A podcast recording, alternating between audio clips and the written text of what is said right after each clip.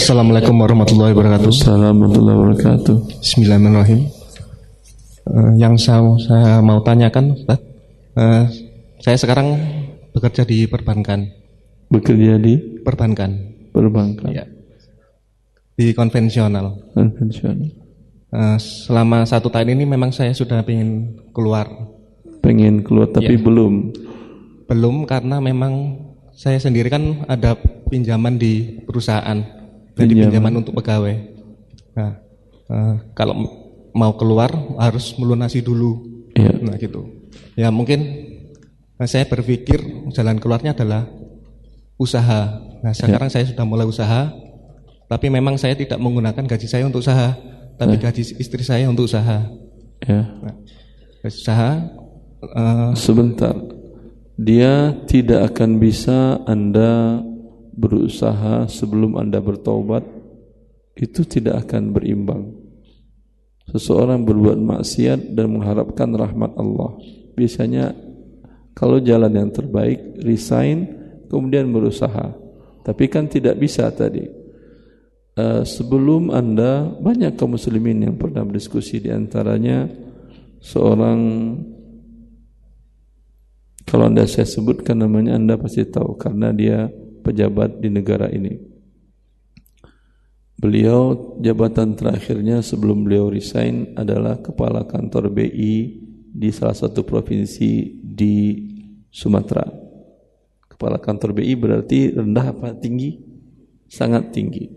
Ketika saya datang ke kota tersebut, beliau ingin berdiskusi langsung.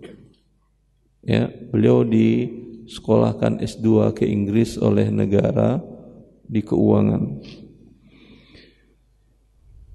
Dia baca buku yang saya tulis Harta Haram Muamalat Kontemporer. Itu baca, buku itu lumayan berat kalau menurut saya. Tetapi dalam seminggu dia tamat membacanya. Karena berhubungan dengan kehidupan dia bekerja lebih 25 tahun di BI di Bank Indonesia. Lalu saya nggak bertemu dengan dia di sana. Dia berusaha mencari saya setelah saya kembali ke Jakarta dan dia minta izin datang ke rumah saya dengan istrinya.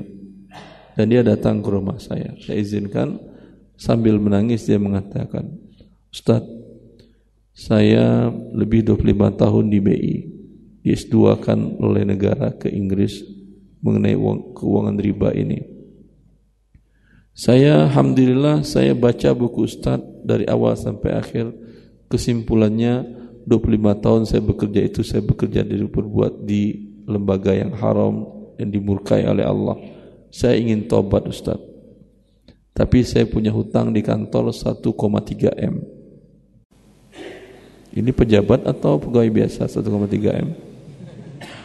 Pejabat besar. Tapi saya dengan istri sudah berdiskusi, saya akan jual rumah saya di komplek apa komplek yang mahal dekat bandara itu, perumahan Ungu apa namanya? Bukan kapuk, yang kalau jor terus kalau mau lewat bandara lewat lebih dekat lihat situ. Bukan BSD lebih bagus ya, pondok ungu ungu kayak ungu gitu. Nama warna gitu. Satu koma dia mau jual dengan harga harga dia harga sekarang 3 miliar kata dia saya mau jual Ustaz. Ya. Kemudian saya bayar semua utang riba saya. Tetapi kata dia ini yang sangat lucu. Tapi alhamdulillah utang saya di kantor tidak ada bunga Ustaz. Utang 1,3 M bayar 1,3 M. Oh, saya katakan betul.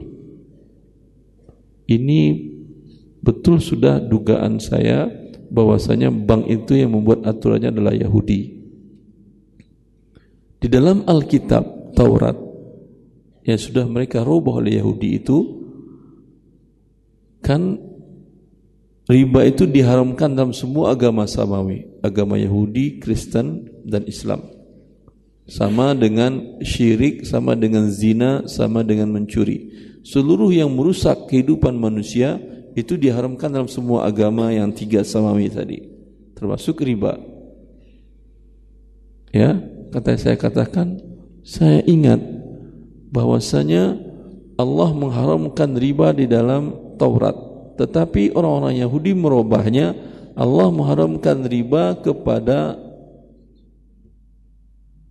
sesama Yahudi.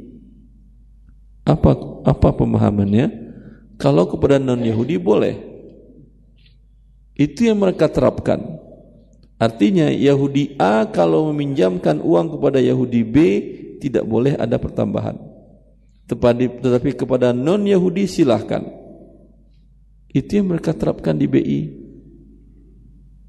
Tukang riba kerja di riba bila pinjam tidak boleh ada pertambahan riba. Tetapi sesama bukan riba, pelaku riba itu harus bayar riba. Ya, itu yang dia lakukan. Tidak berapa lama setelah itu beliau bertemu dengan saya di salah satu kajian di Jakarta. Dan dengan cerah dia mengatakan Alhamdulillah Ustaz saya sudah lepas dari riba. Dari bekerja membesarkan lembaga riba di negara ini. Lembaga riba terbesar. Ya. Terus sekarang apa kegiatan Bapak sekarang saya kegiatan saya belajar ilmu syar'i di mana kajian ustaz saya kejar sampai anak selesai kuliah. Nanti selesai anak kuliah saya akan pulang ke asal saya. Beliau berasal dari Aceh. Ya. Dia merasa bahagia ketika bertobat. Dan itu yang Allah janjikan kepada orang-orang yang bertobat. Anda bahagia. Dan Allah mengatakan dalam hadis yang sahih lallahu afrahu bi taubati abdihi min ahadikum. Allah senang dengan hambanya yang bertaubat. Tapi persyaratan taubat semua para ulama sepakat meninggalkan langsung tanpa ada jeda waktu. Ya. Ajukan desain tulis surat desain sambil jual rumah atau aset mana yang bisa dijual untuk menutupi hutang tadi? Atau kalau tidak ada anda berhak mengajukan kepada lembaga zakat. Bukankah di antara yang berhak menerima zakat gharimin? Iya atau tidak? Orang yang berhutang. Lembaga zakat itu triliunan uangnya. Lembaga zakat yang nasional itu. Ya. Ya. Wallah ta'ala Ada juga kemarin teman yang dia bekerja di bursa ketika dia tahu itu riba dia bilang saya bertobat Ustaz tapi setelah saya mau siapkan masa depan saya saya jual aset-aset saya dulu. Nanti kalau sudah terjual saya baru bertobat. Enggak kejual-kejual asetnya. Akhirnya karena sudah enggak tahan dia resign. Setelah resign tidak berapa hari setelah itu terjual asetnya dengan harga yang di atas ekspektasi dia. Dia punya rumah di Kelapa Gading, biasanya tanah di Kelapa Gading itu harga kiri dan kanannya 10 juta per meter. Dia bisa terjual 17 juta per meter. Begitu sayangnya Allah kepada Anda. Ya. Semoga Allah mudahkan kita untuk selalu istiqomah dalam taat kepadanya. Terus ada yang di kertas ada? Setelah Pertanyaan dari kertas. Assalamualaikum warahmatullahi wabarakatuh. Ustaz, saya bekerja di instansi pemerintah yang menangani atau mengelola pajak kendaraan bermotor. Dalam pengelolaannya tidak terdapat sanksi keterlambatan berupa denda atau bunga. Bagaimana menurut Ustadz dengan kondisi seperti tersebut di atas halal atau haram penghasilan saya? Terima kasih. Bekerja di lembaga negara yang menangani pajak kendaraan bermotor.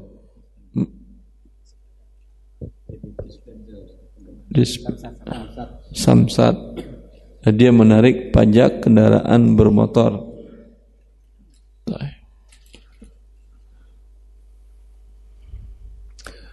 uh, pajak kendaraan bermotor itu tujuannya untuk apa uang pajaknya itu? Pembangunan, bukan untuk motor. Karena ada yang retribusi, ada yang pajak. Kalau retribusi itu ada bentuk imbalannya. Seperti saya ingat waktu di Saudi Arabia itu setiap kendaraan bermotor membayar roda 4 membayar 100 real per tahun untuk istimaro atau STNK.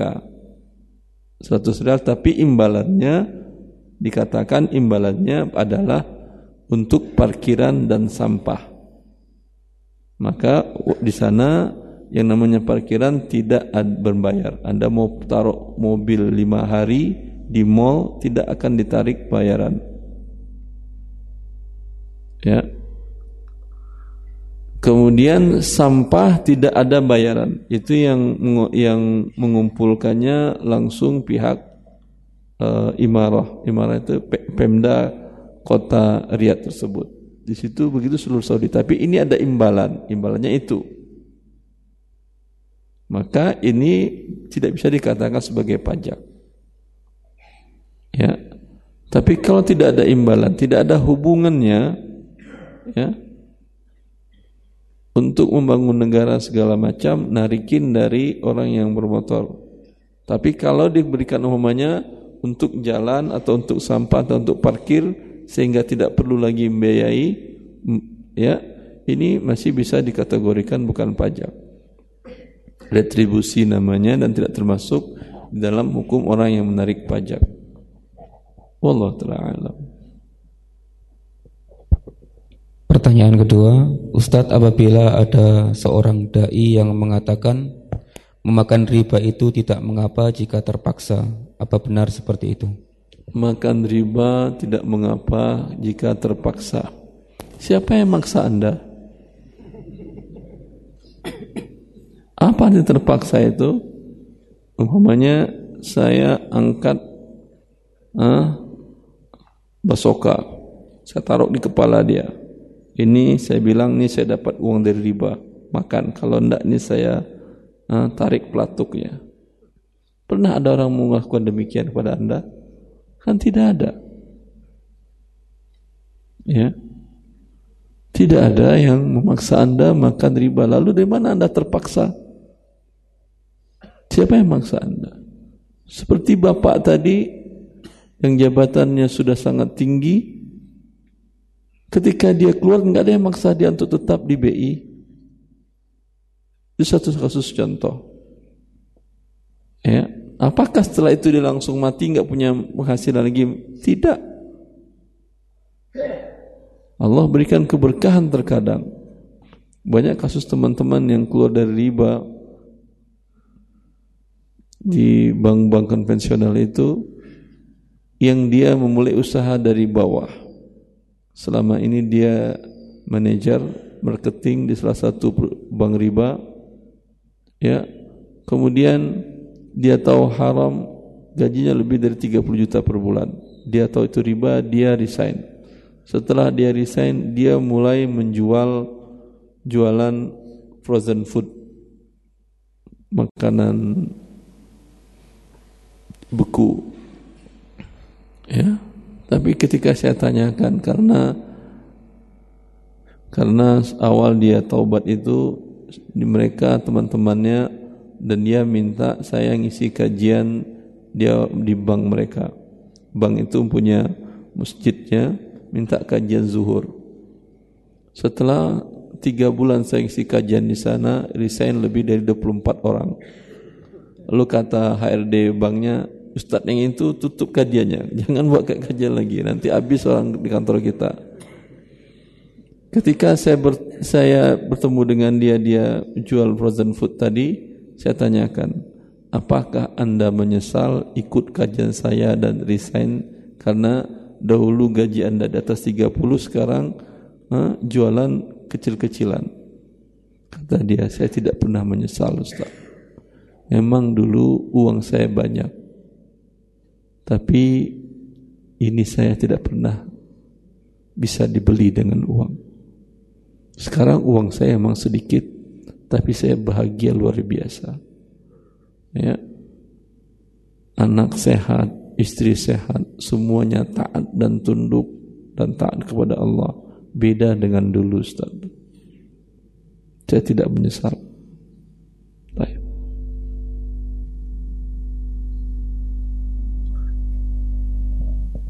Pertanyaan ketiga. Semoga Allah Subhanahu wa taala senantiasa merahmati Ustadz dan keluarga. Allahumma. Saya ingin bertanya tentang layanan aplikasi GoFood. Mengingat di situ ada hal meminjam uang si driver ojek online tersebut kemudian si pembeli mendapatkan manfaat dalam transaksi itu. Sedangkan pinjaman yang mengandung manfaat adalah riba. Apakah akad di dalam GoFood tersebut murni jual beli jasa atau memang jual beli utang piutang dan halal atau haramkah Ustadz? Soalnya usaha saya banyak menggunakan layanan ini. Jazakumullah khairan. Ini sudah saya bahas di buku yang saya tulis Harta Haram Pemalang Kontemporer Dicetakan yang ke-16 sampai sekarang cetakan yang 19 ada. Hakikatnya memang betul seperti dikatakan oleh dia, driver tadi meminjamkan uang untuk si pemesan membelikan yang dipesankan. Kemudian dia tagihkan dengan ada kelebihan dan ada jasa yang ditagihkan juga.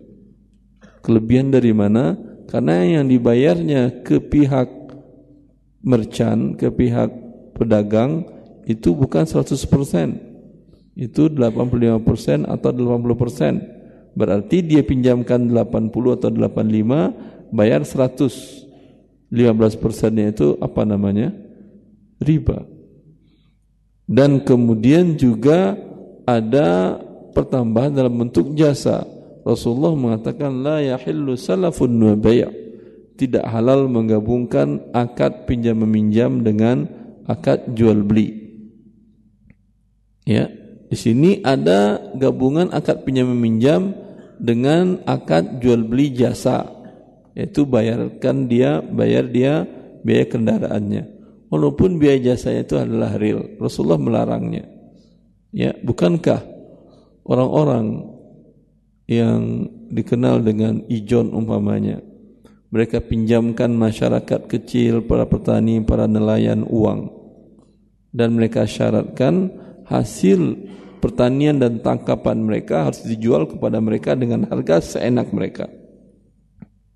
Ya, ini diharamkan dalam Islam. Maka Rasulullah mengharamkan menggabungkan dua akad, yang satu akadnya pinjaman, yang satu akadnya jual beli. Pertanyaan berikutnya, adakah perbankan syariah yang betul-betul syariah karena kebanyakan hanya labelnya saja syariah tetapi masih ada unsur riba. Kemudian pertanyaan yang terkait bagaimana cara merubah sistem perbankan di Indonesia? Jalan keluar sistem perbankan. Apakah ada bank syariah yang murni syariah? Bank syariah yang ada ya cara standar operasional mereka yang bermasalah sehingga orang-orang melihat dari kasat mata bahwa tidak ada beda antara bank syariah dengan bank riba. Semuanya di atas kertas saja perbedaannya. A beli rumah KPR melalui bank syariah. Ya.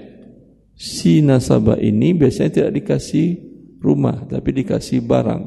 Kalau Anda belanja ke seseorang pasti dikasih barang bukan dikasih uang. Ya. Begitu juga si B yang kredit pemilikan rumah melalui bank konvensional bank riba. Dikasih uang juga kan sama. Kemudian uang itu ada bertambah. Kasih umpamanya 100 juta ada pertambahannya. Cuman beda namanya. Di sini namanya bunga di yang bank konvensional di bank syariah namanya adalah margin. Ya maka hanya beda di atas kertasnya saja kalau memang jual beli dari kemudian terlambat di sini ada pertambahan ya namanya denda keterlambatan. Kalau di sini namanya atau takhir. Pakai bahasa Arab artinya apa? Denda keterlambatan. Berarti riba pakai bahasa Arab. Gharamah denda takhir keterlambatan. Ya maka itu yang terjadi. Tapi kalau anda mengerti syariat Allah, anda minta dengan skem anda, skema anda sendiri. Ya, Kalau mereka mau, alhamdulillah. Dan biasanya ada yang mau. Ada beberapa bank syariah yang mau dengan skema tadi. Ketika anda mengatakan, saya yakin dan semua orang Muslim Indonesia yakin bahwa bank syariah Indonesia hanya kedok doang, hanya nama saja. Biasanya anda ditantang oleh bank tadi. Siap pak, saya juga ingin masuk surga pak kerja di bank. Saya nggak ingin masuk neraka. Coba Bapak buatkan skema yang syariah menurut Bapak kami ikutin. Bisa Anda buatkan? Kan tidak. Intinya apa? Anda nggak ngerti syariat, dia juga nggak ngerti syariat. Tapi kalau Anda ngerti syariat, Anda minta ke dia, saya butuh rumah. Ya, silah rumah seperti itu. Silahkan Anda beli dulu setelah jadi milik Anda. Ha? saya beli kepada Anda dengan cicil. Kalau terlambat tidak ada pertambahan hutang. Ya, lalu apa pun namanya tidak akan bertambah hutang. Lalu cara Anda untuk meminimalkan risiko Anda silahkan rumah itu atau atau barang lain yang saya jaminkan dijual tutup hutang sisanya kembalikan kepada saya. Kira-kira mau nggak bang syariah itu? Ada yang mau. Ada yang mau. Ada yang mau. Ya, bahkan lebih dari itu. Ada salah satu bank syariah ketika ada jamaah tetangga saya tinggal di Jakarta di kota wisata, beliau mendapat pembangunan proyek terminal LRT dari Blok M ke Tamrin sekitar 10 terminal 10 stasiun. Satu proyek itu nilainya 5 miliar. Bahan bakunya dibelinya dari Korea. Ya. Kemudian dia minta ditemanin, Ustaz, temanin saya Ustaz agar akad-akad saya dengan bank syariah itu selamat dari hal yang haram. InsyaAllah saya temanin. Pertama ke bank syariah X datang ke sana Lalu Bank Syariah X tadi mengatakan, ya kita buatkan akad murabahah dengan anda. Artinya, ha, kami belikan bahan-bahan baku yang material yang anda inginkan, nanti anda bayar ke kami dengan cara tidak tunai. Tapi saya tanyakan kepada bank tadi, anda bisa belinya dari Korea? Jawaban teman yang tadi, enggak mungkin Ustaz, karena yang punya hak itu hanya saya di Indonesia. Ya udah, kalau gitu kata dia kami wakilkan Anda yang beli. Ya berarti Anda ngasih uang ke dia. Kalau Anda ngasih uang berarti sama dengan riba. Bukan jual beli namanya. Ngasih uang dan bertambah jadi riba. Lalu saya itu kasus ke bank syariah X. Saya temani ke bank syariah yang lain. Saya katakan ada bank syariah, kita coba bank syariah ini mungkin dia mau. Akhirnya dia ditawarin oleh bank syariah tadi. Yang yang tadi X ya, sekarang Y bank syariah yang lain. Kata bank syariah tadi, siap ini ada Ustadz Erwandi, saya siap apa yang disampaikan Ustaz Erwandi, Syar'i, kami siap untuk buat produk seperti itu. Dia tanyakan, Anda punya modal berapa sekarang? Dia berkatakan aset kami sekitar, semuanya modal kami sekitar 5 miliar. Berarti kurang modal Anda 45 miliar. Kami, bank syariah kami, kita kerjasama musyarakah modal dari kami 45 miliar anda 5 miliar. Kerugian kami siap tanggung 90 persen. Anda sama 10 persen. Karena 5 dengan 45 kan 1 banding 9 untung silahkan anda ambil 50 kami ambil 50 karena anda yang bekerja kami kan enggak bekerja Ya. Ternyata bisa. Ini udah syar'i kalau seperti ini. Lalu dia nanya, gimana syarwan di udah syar'i? Udah. Tapi kan ini baru omongan Anda. Buatkan akadnya, draftnya nanti saya lihat kembali. Dibuatkan draftnya sebelum tanda tangan dan memang seperti yang disampaikan di awal. Artinya kita yang ngerti, kita yang belajar. Sama seperti umpamanya kalau Anda tahu penyakit Anda, banyak darah tinggi, asam urat segala macam. Hah? Ketika Anda belanja makan apa pun, Anda akan minta sesuai dengan kebutuhan Anda, ya atau tidak?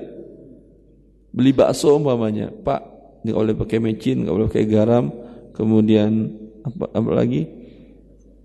Nggak pakai kuahnya karena kolesterolnya tinggi, baksonya doang sama mau nggak si tukang bakso jual? Dia kan mau uang, mau atau tidak dia? Mau, tapi Anda ingat, tapi kalau Anda beli bakso Pak, Anda nurut aja dengan SOP dia ya udah habis makan enak waktu makan sampai di rumah kaki sakit Hah?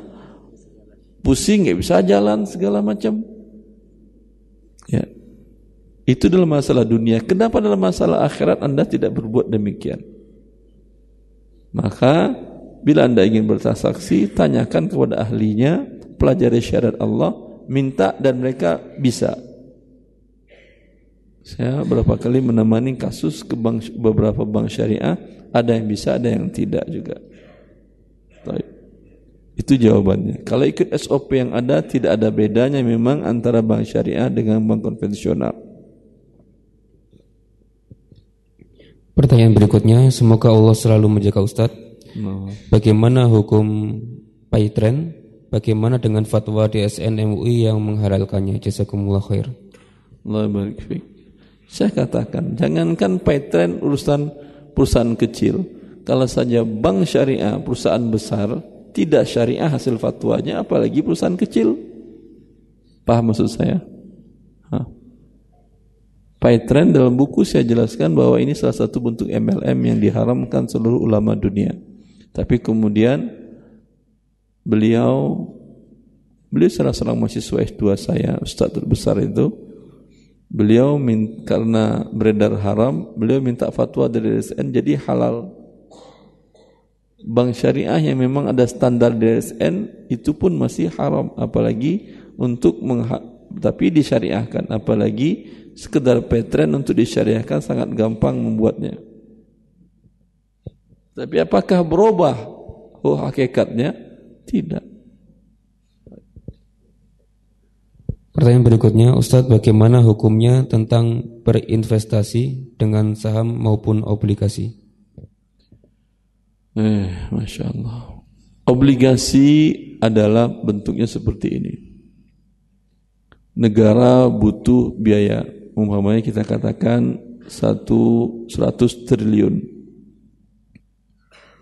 Ah, satu triliun umpamanya biar gampang hitungnya. Satu triliun negara menerbitkan surat obligasi per lembarnya dijual satu miliar.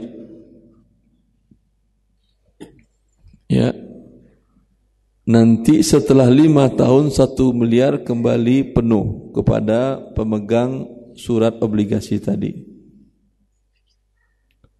Dalam setiap tiga bulan atau enam bulan, pemegang surat obligasi tadi dapat kupon pertambahan dari uangnya atau bunga namanya. Ini murni riba. Walaupun ori, walaupun negara Indonesia menerbitkannya. Kemudian mereka munculkan yang terbaru sukuk. Ya. Namanya bagus. Sukuk. Apa artinya itu?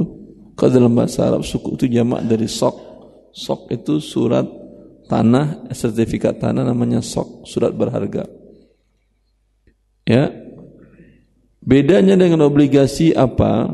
Ada underlyingnya. Underlying itu artinya ada aset yang dijual. Kalau tadi kan tidak hanya jual kertas, berarti hakikatnya minjamin uang ke negara, dibayar oleh negara berlebih. Ini riba. Ya.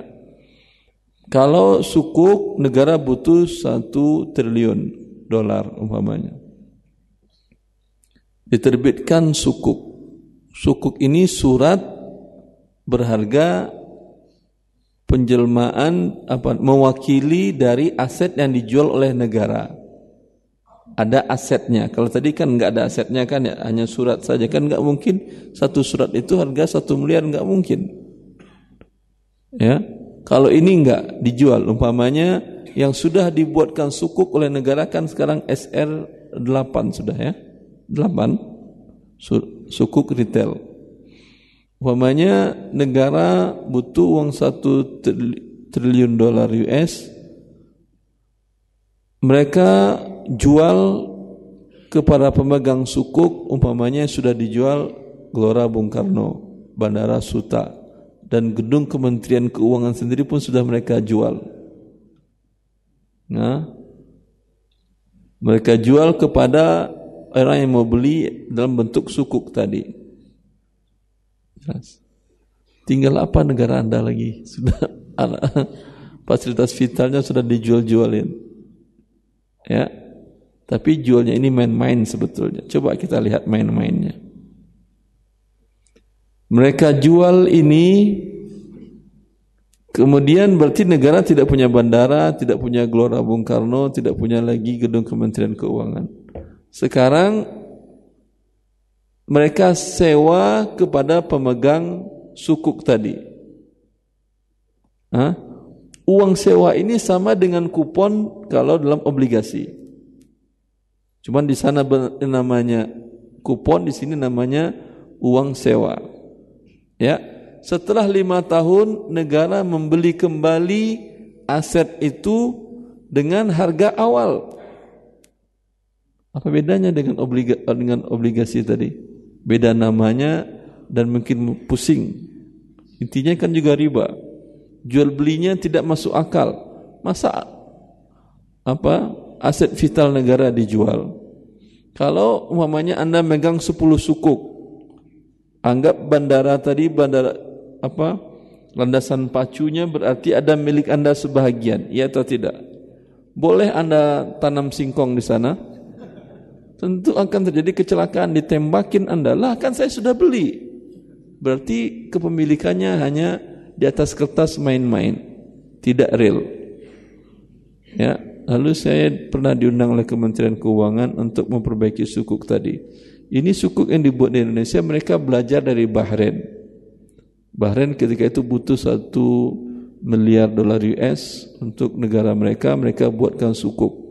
Mereka jual bandaranya seperti yang tadi. Tapi kemudian para ulama dunia mengharamkannya karena ini pengelabuan riba. Ya. Yang haram ini diimpor ke Indonesia, dibuat oleh para DSN dalam bentuk ha, sebuah instrumen keuangan. Maka ketika saya diminta dari Kementerian Keuangan ini gimana memperbaikinya Ustaz tadi? Yang memperbaikinya bukan Anda. Panggil DSN kemari saya sampaikan gimana cara memperbaikinya. Kalau ingin jual, jual yang real. Pulau mungkin umumnya dijual. Kalau pulau kan bisa dijual-jual. Itu real. Dan kemudian nanti negara kalau ingin beli dengan harga yang real juga. Bukan dengan harga pertama. Kalau sedang naik, naik. Sedang turun, turun. Yang nggak mau jual ya haknya dia untuk tidak mau jual. Itu betul jual belinya. Sama Anda butuh uang, Anda jual rumah Anda. Kemudian ketika Anda sudah punya uang, Anda ingin beli lagi, tentu dengan harga real per saat itu, iya atau tidak?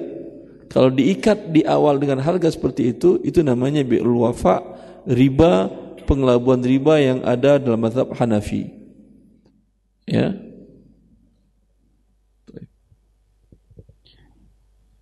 Hadirin rahimakumullah, ada tiga pertanyaan yang terakhir dari banyak pertanyaan yang harus kita pilih karena keterbatasan waktu. Dari tiga pertanyaan ini yang pertama adalah Assalamualaikum, bolehkah uang pesangon dari bank digunakan untuk modal usaha? Ma, ma? Uang pesangon dari bank digunakan untuk modal usaha. Boleh setelah Anda bertobat kepada Allah. Bagaimana cara bertobat dari bekerja di tempat bank riba tadi? Pertama resign atau minta pensiun dini. Kumpulkan semua uang yang Anda dapatkan dari bank ini mulai dari Anda bekerja sampai pada saat Anda bertobat. Mungkin ada rumah, ada kendaraan, ada properti, ada tanah, ada ada ada perusahaan dan ada uang tunai, kumpulkan semuanya. Keluar angka umpamanya 3 miliar yang halal dari ini hanya kebutuhan Anda setahun ke depan yang pokok. Karena kalau dikeluarkan seluruh 100 persennya, Anda akan jadi fakir miskin. Iya atau tidak? Hah? Ketika Anda jadi fakir miskin, ini kan nanti uang pertobatan ini diberikan kepada fakir miskin. Anda juga berhak karena sekarang statusnya fakir miskin. Kecuali kalau Anda bisa bertahan hidup mungkin dari istri bekerja di tempat yang halal sebelumnya. Ya, istri pun siap menanggung biaya beban Anda sampai menjadi settle kembali, sampai naik kembali. Ya, ketika itu sesen pun nggak boleh Anda tahan, semuanya berikan kepada fakir miskin. Dana pertobatan tadi. Jelas itu yang dikatakan oleh para ulama kita. Maka yang boleh hanya untuk Anda kumpulkan setahun ke depan. Anda kebutuhan Anda setahun ke depan, kebutuhan pokok umumnya 50 juta. Yang sisanya ah, 4,9 miliar 4,95 miliar itu berikan kepada fakir miskin 50 juta ini Anda tahan. Dengan 50 juta ini halal sudah milik Anda. Kalau Anda dapat usaha dan berkembang halal milik Anda. Jelas itu? Ada yang berani ngeluarin setengah miliar? Ada? Alhamdulillah banyak. Saya pernah bertemu dengan orang-orang seperti ini. Ketika saya ngisi kajian di pasar di masjid pasar Senen. Senen itu kan pusat barang KW se-Indonesia. Barang tiruan. Dia termasuk mantan penjual barang tiruan mulai dari kaki lima sampai dia punya tiga, tiga ruko di pasar itu. Omsetnya sampai sekitar 20 miliar seluruh asetnya maaf asetnya sampai 20 miliar. Sekarang dia ingin bertobat. Dia bertanya kepada saya, Ustaz, bagaimana saya bertobat? Saya sudah dengar kajian Ustaz bahwa menjual barang KW haram. Ya, saya katakan, Anda semenjak jari kaki lima sampai sekarang, tapi kata dia, semenjak saya tahu itu haram Ustaz, sekarang saya enggak jual lagi. Dan bahkan sekarang saya bikin merek sendiri. Ya, di Senen itu pusat jual jam tangan. Dia datang ke Cina, ya, kemudian dia bikin merek sendiri. Sekarang dia sudah punya lima merek sendiri yang dia jualkan tetap laku. Apakah Anda pikir ya ketika Anda jujur akan dihilangkan rezeki Anda oleh Allah? Tidak, tetap laku, tetap laris. Ya, dan punya lima merek sudah dipatenkannya setelah dia bertobat. Dulu dari pencuri, sekarang jadi pemilik lima merek. Gak tahu sekarang sudah berapa merek jam tangan yang dia patenkan atas nama dia. Sekarang masalahnya dia ingin bertobat. Saya katakan, ya, berapa persen harta Anda sekarang yang Anda dapatkan dari penjualan barang KW? Anda ada jual barang ori juga? Ada Ustaz. Tapi perkiraan yang KW lebih banyak, mungkin sekitar uh, 70 persen. Ya, dia hitung-hitung, dia hitung-hitung, dia hitung-hitung, 70% dari dari kekayaan Anda yang dapat sekarang semuanya berapa? Sekitar 7 miliar, Ustaz. Terus gimana Ustaz? 7 miliar Anda keluarkan dari kepemilikan Anda berikan ke fakir miskin. Hah? Tadi ya. Lama dia berpikir akhirnya datang kepada saya. Alhamdulillah Ustaz, saya sudah mantap. Enggak senang hidup saya Ustaz. Semenjak saya tahu itu haram. Ada satu rumah saya di Rawamangun harganya sekitar itu itu sekarang saya lepas. Dijadikannya rumah tahfiz dan juga dijualnya sebagian. Ya banyak kaum muslimin ketika mendengar itu datang ke dia minta uang haram tadi. Saya fakir miskin saya mau uang haram tadi kata dia. Hah?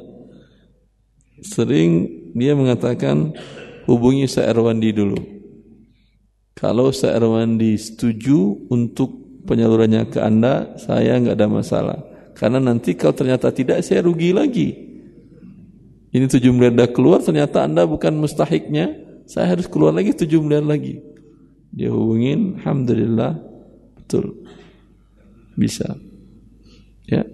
Dan setelah saya bertemu dengan dia, dia tidak pernah mengeluh. Bahkan dia merasa berterima kasih sekali. Alhamdulillah Ustaz, Ustaz sudah bimbing saya. Sekarang luar biasa bahagianya saya. Berkurang dunianya, Tidak. Baik. Terus. Pertanyaan terakhir karena keterbatasan waktu. Ustadz saya seorang petugas medis. Bagaimana hukumnya jika kita menerima pemberian uang atau kue dari pasien yang sedang dirawat di rumah sakit di luar biaya perawatan? Ini riswah haram Anda terima. Kalau Anda terima, Anda penerima riswah, pasien tadi pemberi riswah. Dua-duanya di dalam neraka kata Rasulullah sallallahu alaihi wasallam. Jangan gara-gara uang 100 ribu Anda masuk neraka, ngapain? Ya. Ar-rashi wal murtashi finnar. Orang pemberi riswah dan penerima riswah dalam neraka. Ya. Dan godaan seperti ini banyak, bukan hanya Anda saja. Saya juga sering mendapat godaan seperti ini. Saya dosen magister ekonomi Islam. Mengajar S2, bimbing S3 juga, program doktoral di beberapa kampus. Itu namanya mahasiswa kan senang kalau sambil apa datang ke pembimbing sambil konsul ke pembimbing dia bawa oleh-oleh bawa boleh bawaan tangan dari kampung dari apa begitu ya. Setiap dia bawa terus saya katakan ya ini oleh-oleh gimana? Buat buat ustaz oleh-oleh dari kampung saya ustaz. Saya terima tapi dengan syarat anda harus siap nilai anda saya kurangi Kenapa Ustaz kata dia? Karena Anda menyogok dosen. Dosen Islam, ekonomi Islam mau disogok. Bahaya banget. Saya kurangin nilai Anda, saya terima. Kalau mau nilai Anda objektif saya berikan, ambil lagi hadiahnya. Dengan malu-malu diambil. Daripada rugi dua kali, nilai turun kemudian. Hah? Oleh-oleh hilang mending nggak rugi sama sekali. Ya. Ini selalu saya tanamkan kepada mahasiswa saya karena mereka ke depannya akan menjadi pejabat-pejabat. Tamat S2 tamat S3 minimal orang-orang penting di pekerjaannya. Kalau saya mau terima oleh-oleh kecil tadi ya ke depannya mereka akan menjadikan saya sebagai argumennya. Wah Ustaz saya ingat dulu Ustaz Erwan Dejan mau terima kok Masa saya nggak mau terima kalau ada orang ngajak entertain segala macam? Ya, saya ngajarin mereka masuk neraka berarti saya kena apa? Kena dosanya. Tapi ajarkan mereka kaum muslimin tadi dan subhanallah dari guru banyak orang-orang belajar kebaikan dan keburukan. Kalau guru tidak berhati-hati dalam hal ini, ya, mereka lah yang merusak negara ini sesungguhnya. Ketika guru mau menerima hadiah dari wali murid, ya. Ketika murid tadi menjadi pejabat di negara ini, dia ingat dulu gurunya tersebut adalah idolanya, figurnya. Terima. Maka ketika dia jadi pejabat dengan gampang dia nerima. Cukup lah ya. Semoga dengan demikian Allah selalu membimbing kita untuk selalu mentaatinya yang dengan taat kepadanya kita mendapatkan kebahagiaan di dunia dan di akhirat. Subhanakallah hamdika asyhadu an la ilaha Assalamualaikum warahmatullahi wabarakatuh